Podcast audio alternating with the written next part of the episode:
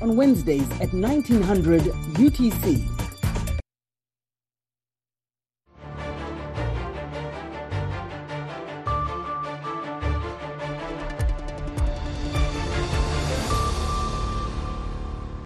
halkani waa washington laanta afka soomaaliga idaacadda v o a oo si toosa idinkaga imaaneysa muwjadaha gaagaaban ee lix tobanka sagaal iyo tobanka mitirban iyo boggayaga v o a somaly com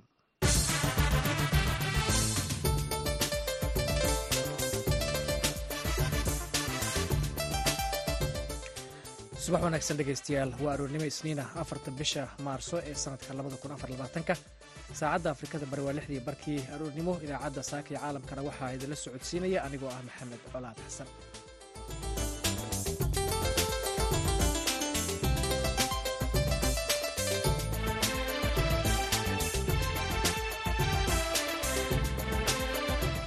Qodobada aan idinku hayno idaacaddeena aroornimo waxaa ka mid ah kulan dhallinyarada looga wacyigelinayo isticmaalka daroogada iyo si xun u adeegsiga baraha bulshada oo muqdisho lagu qabtay. In shilimaad lagu raadinaayo anshuxumadiyaa shilimaad lagu raadinayaa. Gabadhina waxaa la yidhaha kulligeedba waa cawra. Cawradina waxaa la yidhaha ha la asturo. Ilaa intaas mooyaane wejigaas iyo farahaas mooyaane inta kale waxaa la yidhaha waa cawra. Inaan maanta ay shafkeedii bannayso ama ay jilbaheedii bannayso.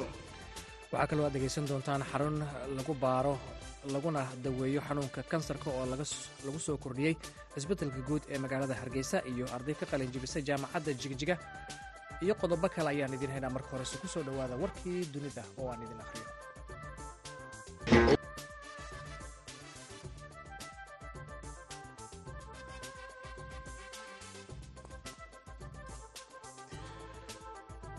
wafdi ka socda xamaas ayaa axaddii shalay ku sugnaa magaalada qaahira si ay wadaxaajood uga galaan. Xabajoojin ay suurtagal tahay in khaza laga hirgeliyo muddo toddobaad ah. Dagaalka u dhexeeya xamaas iyo isra'el ayaa galay bishii toddobaad mana cadda in wadaxaajoodayaasha dhinaca isra'el ay ka qaybgalayaan wadahadalkan iyo in kale maraykanka oo riixaya in muddo lix toddobaad ah la joojiyo colaadda khaza ayaa sheegay inuu jiro heshiis miiska saaran oo horay ay isra'el u ansixisay. Haatanna sugaya ogolaanshiyaha xamaas. Waxaa kaloo aan weli kala caddayn xaaladda wadaxaajooodyadan oo ay qatar iyo masar dhedhexaadka ka yihiin haddii heshiiska la gaaro wuxuu keeni doonaa in duqaynta iyo weerarka ay ka joogsadaan khaza oo markii ugu dambeysay xabajoojin toddobaad socotay ay ka dhaqan gashay dabayaaqadii bishii nofembar ee sannadkii tegey heshiiskan ayaa haddii laysku raaco waxaa lagu sii daynayaa ilaa iyo boqol la hayste oo ah israa'iiliyiintii ku haray gacanta xamaas iyo boqolaal falastiiniyiina oo ku jira xabsiyada israa'el sarkaal maraykanka u hadlay ayaa wariyaasha u sheegay in dariiqa loo marayo xabajoojinta uu hadda yahay mid toosan. Madaxweynaha ukrain valadimir zelenski ayaa codsi u diray waddamada reer galbeedka isagoo ka dalbaday inay soo gaarsiiyaan ukrain gargaar ay ugu talagaleen ee lala soo daahay. Waxa uu sheegay zelenski in ukrain ay ku jirto isdifaac ay kala horjeedo ruushka haddii buu yidhi aan gargaar militari lala soo gaarinna ay arrinta ukrain noqon doonto bar madow oo taariikhda gasha zelenski ayaa yidhi waxay noqon doontaa ceeb reer galbeedka taariikhda u gasha. Haddii maraykanka iyo yurub ay ka adkaadaan dayuuradaha droniska ee shaahid ee iiraan ay samayso iyo dayuuradaha dagaalka ee ruushka. Waxa uu yidhi go'aamo liito oo la qaato ma aha inay dhiirigeliyaan ficilada xunxun ee ruushka. Zelenski ayaa sida muuqata hadalka ula jeeda gargaarka maraykanka uu siin lahaa ukrain oo weli ku xayiran muranka u dhexeeya xubnaha koongareeska maraykanka maraykanka ayaa markii ugu dambeeyey oo uu sahay militari u diray ukrain waxaa laga joogaa muddo laba bilooda sida ay sheegtay wakaaladda wararka ee associated press ukrain ayaa la liidata rasaas la'aan iyadoo ruushka uu weli sii wado duulaankiisa iyo duqaynta uu ku hayo furimaha ciidamada ukrain kumanaan maxaabiisa ayaa ka baxsaday xabsiga qaranka ee haiti oo ku yaalla caasimadda dalkaasi. Sabtidii la soo dhaafay ee xilli ay socotay israsaaseyn dhex martay booliska iyo kooxo burcada oo hubaysan. Sidaasna waxaa v o eda u sheegay sarkaal ka tirsan xukuumadda haiti. Rabshadan ayaa imaanaya xilli ra'iisul wasaaraha haiti ariel henry uu ku maqan yahay dibadda.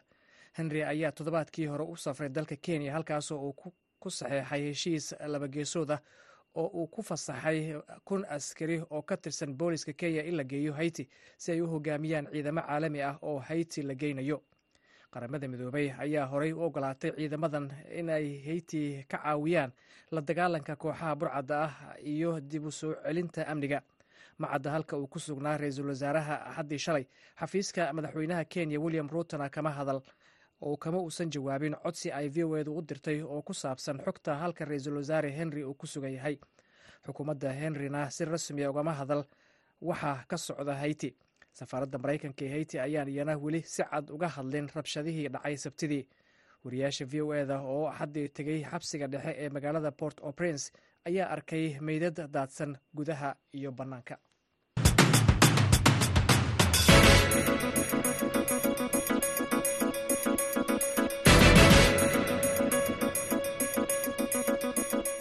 halkaasi aad nagala socotaan waa idaacadda v o a oo toos idin kaga imaaneysa magaalada washington. Arori suuban dhegeystayaal meel kastoo aad joogtaan. Aan ku bilowna ee magaalada muqdisho ee caasimada soomaaliya. Waxaa lagu qabtay kulan ballaaran oo dhallinyarada looga wacyigelinayo daroogada iyo sixun u isticmaalka baraha bulshada oo saameyn taban ku yeeshay aadaabta da'yar badan oo soomaaliyeed. Kulanka oo ay goobjoog ka ahaayeen maamulka gobolka banaadir ayaa diiradda lagu saaray sidii loo fahmi lahaa dhaqan burburka ku socda dhallinyarada wariyaha v o eda ee muqdisho cabdicasiis barrow ayaa warbixintan inoo soo diray. Isticmaalka baraha bulshada waxa uu yahay mid saameyn ballaaran ku leh soomaalida marka la eego xilligan waxaana uu leeyahay laba weji oo kala duwan kuwaasi oo bulshadu ay siyaabo kala duwan u fasirayeen. Qaar ka mida shacabka ayaa si weyn uga walaacsanaa hanaankan dhallinyaro fara badan dhaqankooda la xidhiira oo ay la yimaadeen baraha bulshada waxaana ay ku tilmaameen mid si weyn u saameynaya dhaqanka soomaalida ee suuban.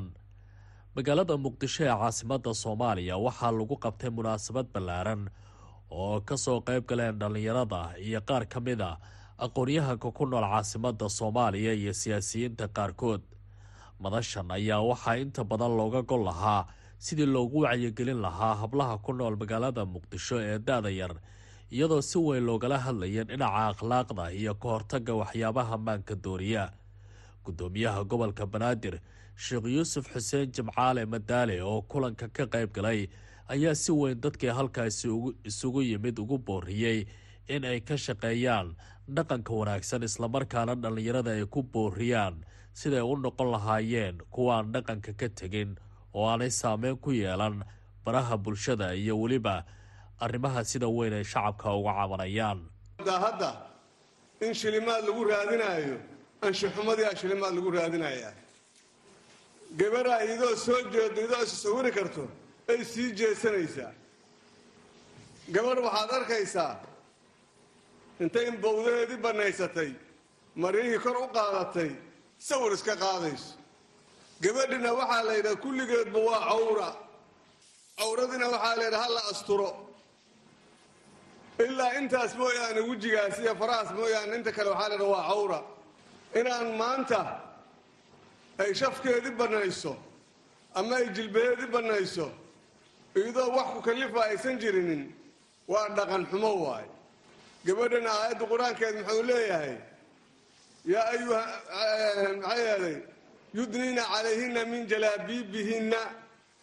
Yaa ayuha nabiyu qul liaswaajika iyo wa banaatika wa nisaa'i almu'miniina yudniina calayhina min jalaabiibihinna qaar ka mid a dadkii ka soo qayb galay kulankan oo hablo u badnaa ayaa waxay soo jeediyeen inay muhiim tahay in dhallinyaradu ay fahmaan nolosha islamarkaana ay ka digtoonaadaan waxyaabaha saameynta ku yeelanaya mustaqbalkooda iyo weliba in aysan ku kadsoomin waxyaabaha hadda ka soconaya baraha bulshada.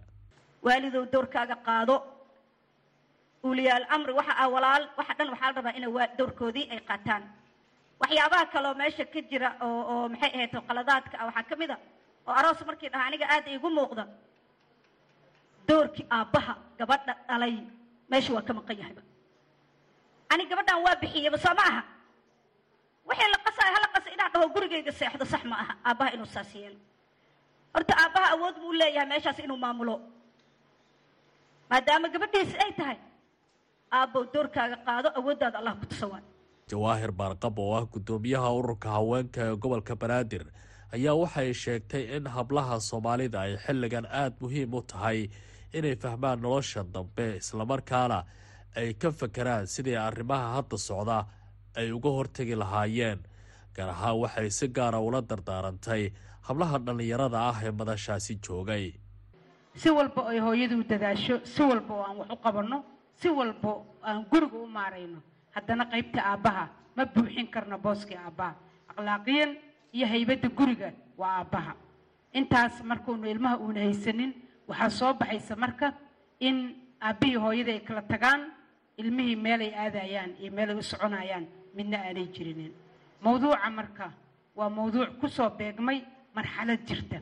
Wuxuu ku abuurmay xaaladda hadda taagan oo ah in ay soo badanayso waxyaabaha faaxishada ah taas oo salka ku hayso muqaadaraadka daroogada kaniinooyada iyo waxa la cabaayo taas marka ma dalkeenay ka baxdaa mase waa wax la keeno.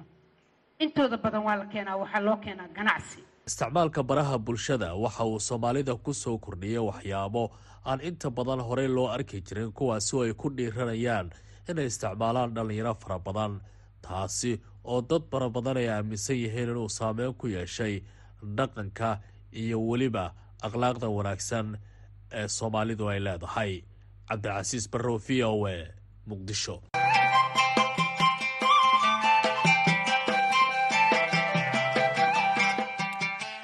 Bulshada soomaalida waxaa baryahan dambe ku soo badanayay cudurka kansarka iyadoo baahi weyn loo qabo baaritaan iyo daweyn dadaal qaybka arrinta ayaa sababay in cusbitalka guud ee magaalada hargeysa lagu soo kordhiyo xarunta baarista iyo daweynta cudurka kansarka. Qadar cakule ayaa arrintan ka wareystay doctor cumar biixi oo ah madaxa xaruntan cusub.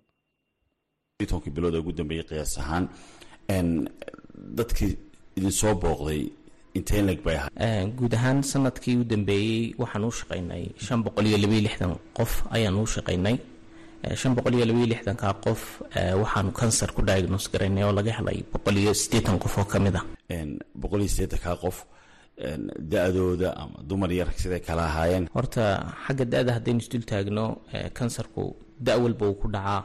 Da-da caruurtu markaanu eegno waxay ka noqonayaan boqolkiiba lix bay ka noqonayaan tirada guud ee shan boqol iyo labaiyo lixdanka ah inta kalena waxay isugu jiraan rag iyo dumar. Xanuunka kansarka maadaamay noocyo ugu sii qaybsamo noocee ugu badan si guud horta dalka wax tiro ah oo ku saabsan cilmi baadhis laga sameeyey kansarku hore umay jirin. Waxaanu sameynay cilmi baadhistii ugu horreysay ee ku saabsan kansarka. Markaanu ka sameynay sannadkii ugu dambeeyey tirooyinkii aanu helaynay. Marka intaa la eego kansarka ugu badan ee ku dhaca dumarku waxa uu noqday kansarka naaska. Kansarka labaad ee ku dhaca dumarku waxa weeye kansarka ku dhaca cunaha.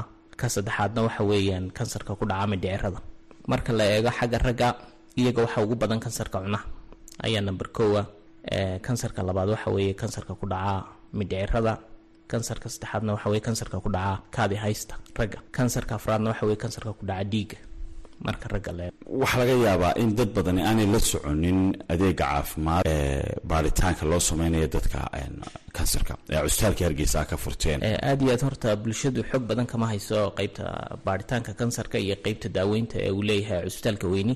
Marka waxaan ugu bishaareynaa dalka in adeegyada baadhista iyo daaweynta kansarka lagaga maarmayo adeegii ay dadku dibadda u tegi jireen ee dhaqaalaha faraha badan laku bixi jiray waxaanu rajaynaynaa in qofku isagoo dalkiisii jooga iyo gurigiisii jooga inuu helo adeega baadhista iyo daaweynta kansarkaba cisbitaal ahaan waad awoodaa inaad baaritaan kansarka noociisa kala duwanaa ku samaysaan daweyntiina miyaad samaysaan? May dhowaan cusbitaalka hargeysa waxaa laga hirgeliyey qeybta daaweynta kansarka oo imika bilow ah. Marka waxaan rajaynaynaa in ay daboosho baahidii muxuu ahay daaweynta kansarka ay dadku u qabeen soo kale kansarka daaweyntiisu horta way dhib badan tahay. Waxaynu uga faa'iidaysanaynaa dadku inay wacyigelin badan inaynuu fidino ku saabsan kansarka. In kansarka haddii uu qofku nolol maalmeedkiisa wax badan uu ka bedelo inaynu in laga hortegi kara kansarka boqolkiiba soddon ilaa konton in la yareyn karo. Oo ay ku xidhan tahay hadba qofka qaabnooleedkiisa inuu miisaanka faraha badan la rido inuu jimicsi fiican uu sameeyo. Maalintii ugu yaraan soddon daqiiqo haddii uu family history leeyahay inuu hore isu baadho waxaa jira markaa kansarada qaar laga hortago oo markaa iyagu screening leh. Sida tusaale ahaan kansarka ku dhaca makaanka afkiisa oo kale. Waxaan leenahay adeeg lagu baadho oo layidhaha screening babismir la yidhaahdo. Sidoo kale kansarada markay ku beegan tahay kansarka naaska oo kale bishiisa waxaanu qabanaa adeeg bilaasha. Ayaanu dadka u fidinaa bisha tobnaad oo ah bisha ku beegan maalinta bisha loo asteeyey kansarka naaska. Marka qeybta daaweyntana waxaan rajeynaa imika inaanu aada u sii horumarina hadduu ilahay dha bulshadu waxay isweydiin karayaan waktiga oo dadka qaarkood waxay dhib ku qabaan cadkii laga qaado ama dhacaankii laga qaado nairobi ama adiis loo diro ama indiya loo diro dabeetana muddo dheer qaata. Maxaad u sheegi karaysaa muddo intee leeg baa jawaabtu maqnaataa? Horta baadhitaanadaanu samayno adeegyadaan bixino baadhista kansarku way kala duduwan yihiin siyaabahaan u baadhna waxaa ka mid a waxaanu samaynaa dheecaan baanu qaadnaa oo irbad baa lagu qaadaa cadkii baanu qaadnaa dareerayaashii jidhka ayaanu iyagana eegnaa inuu kansar leeyin iyo in kale.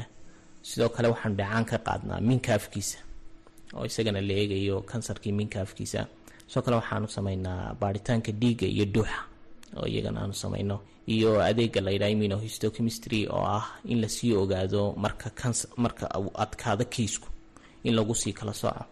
Marka adeegyadaanu qabno dhami waqtiyadoodu way kala duduwayn iminka adeega muxuu ahaye dheecaanada iyo baaritaanka dhuuxa iyo dhiigga iyo baaritaanada dheecaanada kale dhiigga dheecaanada kale jidhka.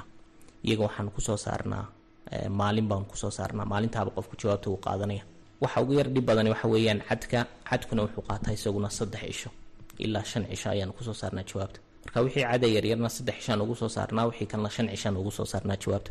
Marka taas waxay meesha ka saaraysaa adeegii bisha la sugi jiray ama labada wiig la sugi jiray ee jawaabta qofka loo qaban jiray qofkuna uu intaa uu warwar sii qaadayay marka. Ugu dambeyn doctor cumar maxay tahay fariintaad uga faa'iidaysanaysid bulshada maanta ku dhagaysanaysa guud ahaan dadka reer somalilan iyo dadka soomaaliyeedba fariinta aynu u diraynaa waxa weeyaan kow horta in dadku ay fahmaan in kansarkuu daawo leeyahy kansarku daawadiisuna waxay ku xidhan tahay hadba heerka uu qofku ku yimaado haddii uu heerka koowaad iyo heerka labaadba yimaado daaweyntiisu aad iyo aad bay u wanaagsan tahay. Kansarada ku dhaca dhiigga carruurta ku dhaca boqolkiiba boqol iyaguna way ka bogsadaan. Kansarada ku dhaca muxuu ahaye xiniyaha rag oo kale isaguna boqolkiiba boqol waa laga bogsadaa. Haddii la isu raaciyo qaliin daaweyn boqolkiiba boqol waa laga bogsadaa. Haddii kaleo xataa aanu qofku lahayn wax daaweyna kaalmaati buu leeyahy tusaale ahaan iminka kansarka cunaha ku dhaco kale oo ah kainoogu badan inaga qofkii dee waxbana ma qaadanayo wax jala ma qaadanayo dabadeed waa in loo sameeyo tuubo yaro qofku feeding tube la yidhaayo oo uu ka qaadanayo jalkii kaas marka waa kaalmaatiga ugu fiican ee loo samayn karo qofkii isagoo cibaadaysanaya caruurtiisii la jooga inuu maad aragtay uu si fiican noolaan karo. Marka bulshadeena waxaad arkaysaa fariinta nagaga soo noqotaa waxa weeyaan inay ku leeyihiin lanama kala hor aasayo. Marka taa waxaynu leenahay qofka wixii loo qaban karayo waa in loo qabto. Kansarkuna daaweyn buu leeyahay kaasi waxa uu ahaa doctor cumar biixi oo ah madaxa xarun lagu soo kordhiyey cisbedelka guud ee hargeysa oo lagu baaro laguna daweeyo xanuunka kansarka. Qadar cakule ayuu u waramayey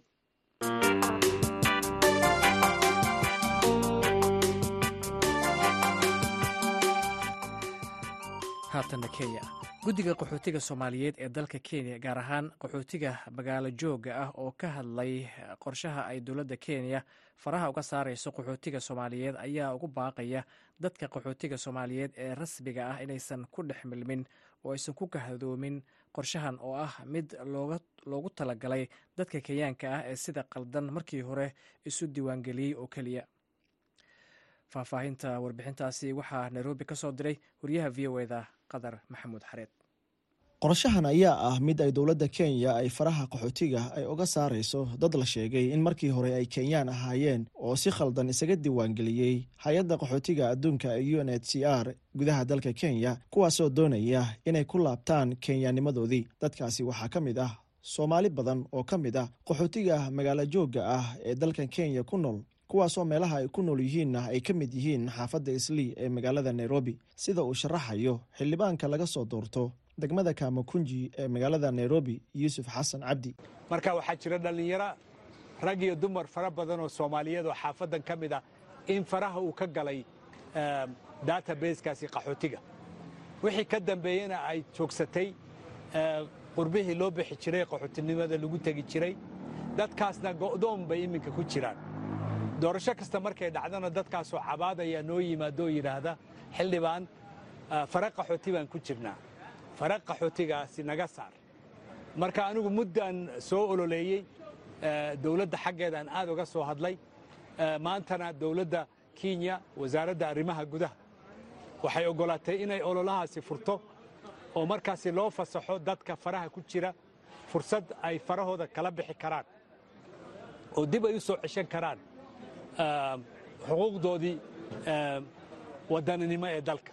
Hase yeeshee guddiga qaxootiga soomaalida ee magaalo joogga ee dalka kenya ayaa qaba walaac ku aadan in qaxooti badan oo asal ahaantoodii hore ka yimid soomaaliya ay hadda doonayaan in ay iska saaraan faraha qaxootinimada saciid abukar oo ka mid a mas'uuliyiinta qaxootiga soomaalida ee kenya ayaa qaxootiga soomaaliya ka yimid ee magaalooyinka kenya ku nool ugu baaqaya inaysan ku dhex milmin qorshaha ay dowladda kenya ay faraha qaxootinimada ay uga saarayso dadkii markii hore kenyaanka ahaa ee sida khaldan isaga diiwaangeliyey qaxootiga. Qaxootiga magaalo joogga ah ka jooga laguguma talagelin idinkuma socoto iyo idinka faa'iidaysanin dad aanan ahayn dad dowladda u shaqeeyo iyo dad daacad ah iyo ka faa'iidaysanin macluumaadka qaladka ah oo aad idinka iska dhaadhiciseen dhexdiinna ma aha dowladdu waxay soo sheegtay ma aha xafiiska chiefka wuxuu sheegay ma aha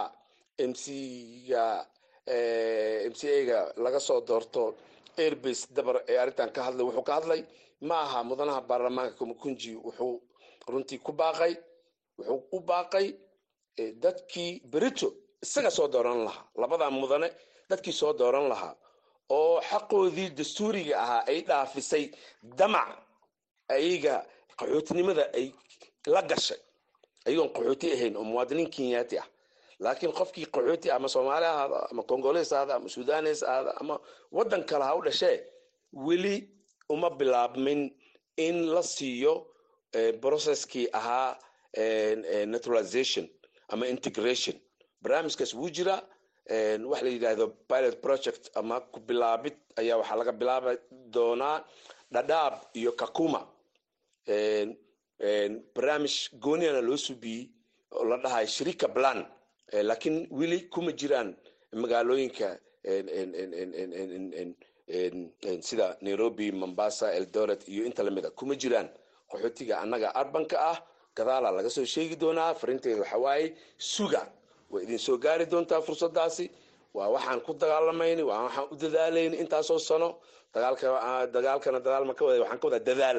Dadaalo badan aan gelini welina waa wadnaa haddaba maxaa ku jaban haddii qaxootiga soomaaliya asal ahaantooda ka yimid ay iska saaraan faraha qaxootinimada oo ay qaataan dhalashada dalka kenya? Waxaan leeyahay ayaga maba loogu talagelin. Waxa ku jaban waxa weeye ayaga looguma talagelin muwaadinka kenyanka ah rabay inuu ka faa'iidaysto uu helo dib qaxootiga loogu talagalay ee ilbaabkaas ka soo xirmay hadda ee raba inuu waddankiisa ka shaqaysto ama civil servant ha noqdo ama dowladda ha ku biiro oo ha noqdo ciidamada ama doorasho ha u istaago ama wax ha doorto ama eighteen inuu gaaray sannadkii loogu talagalay in lagu helo sharciga waddankan aqoonsiga waddankan dastuuriga ahaa kadibna markuu doontay aqoonsigii waddanka loo yaqaano kitaanbulushaha loo diiday. Sababtana ay tahay fara qaxootiga ku jiro. Farihiyaa isku dhacay central data ayaa soo qabatay. Kaasi ayaa loogu talagalay in laga bixiyo. Qaxootinimadii qaladka ahaa uu galay.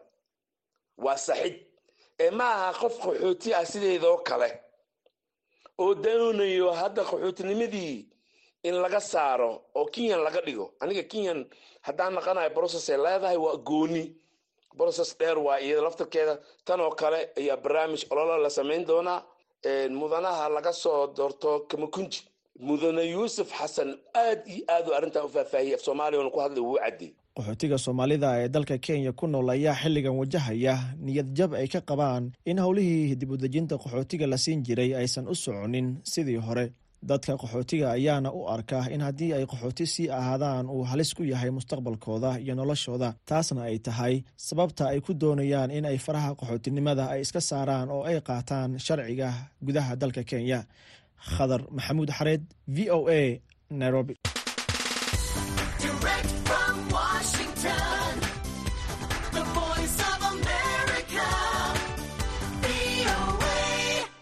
waa hagaaga qadar maxamuud xareed aad buu mahadsan yahay. Weli waxaad nagala socotaan idaacadda v o a oo toos idin kaga imaaneysa magaalada washington. Qodob ka mid a wararkeenii midka kuwa igu doorka roona aan idiinsoo qabto. Wafdi ka socda xamaas ayaa axaddii shalay ku sugnaa magaalada qaahira si ay wadaxaajood uga galaan xabad joojin ay suurtagal tahay in qaza laga hirgeliyo muddo toddobaad ah. Dagaalka u dhexeeya xamaas iyo israel ayaa galay bishii toddobaad ma cadda in wadaxaajoodyadaasha ama ragga matalaya israel ay ka qaybgalayaan wadahadalkan iyo in kale. Maraykanka oo riixaya in muddo lix toddobaad ah la joojiyo colaadda kaza ayaa sheegay inuu jiro heshiis miiska saaran. Culays uma dhaqaaqdo mana cararto cagta socodka kama dhirirto ciiddeed way ciribsataa ceeb malayartiniyo qur'aanka caddeeyo ceynkeeda oo kale. La cadaabi maayo. Waa curad ninkii dhalay laga siiyo cuudo. Waa curad ninkii dhalay. Mahad looga celiya. Eradaas waxay ka mid yihiin heesta ceelbuur fanaanka salaad maxamed shardi ayaa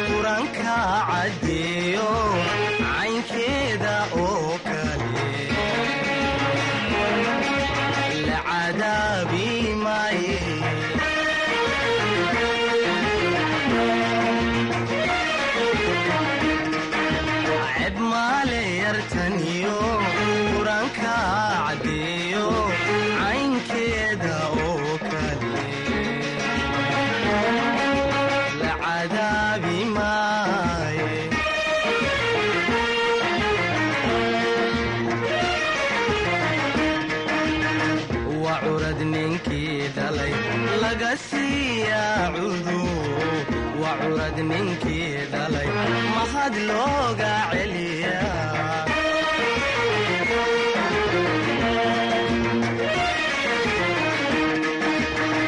waa curad ninkii dhalay laga siiyaa cudu waa curad ninkii dhalay mahad looga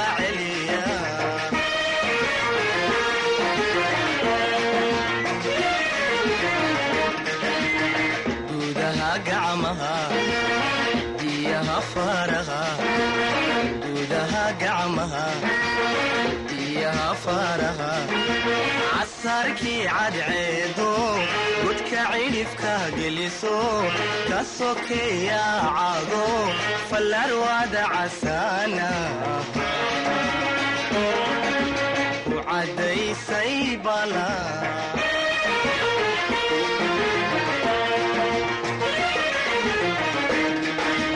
amalaanta canabko qoobaan la ciirtiyo cambaruud bislaadiyo cagaharkoo iftiimiyo caleen ubaxaa bixison cidi daaqin weeye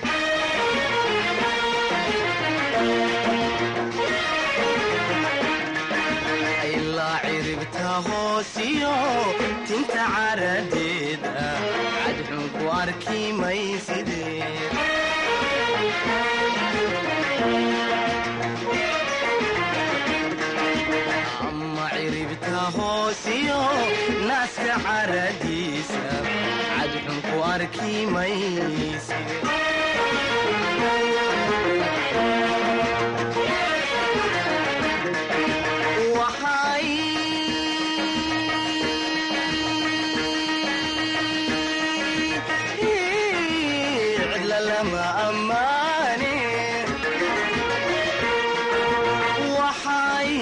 lacayn tahay sida geed caleelo cusub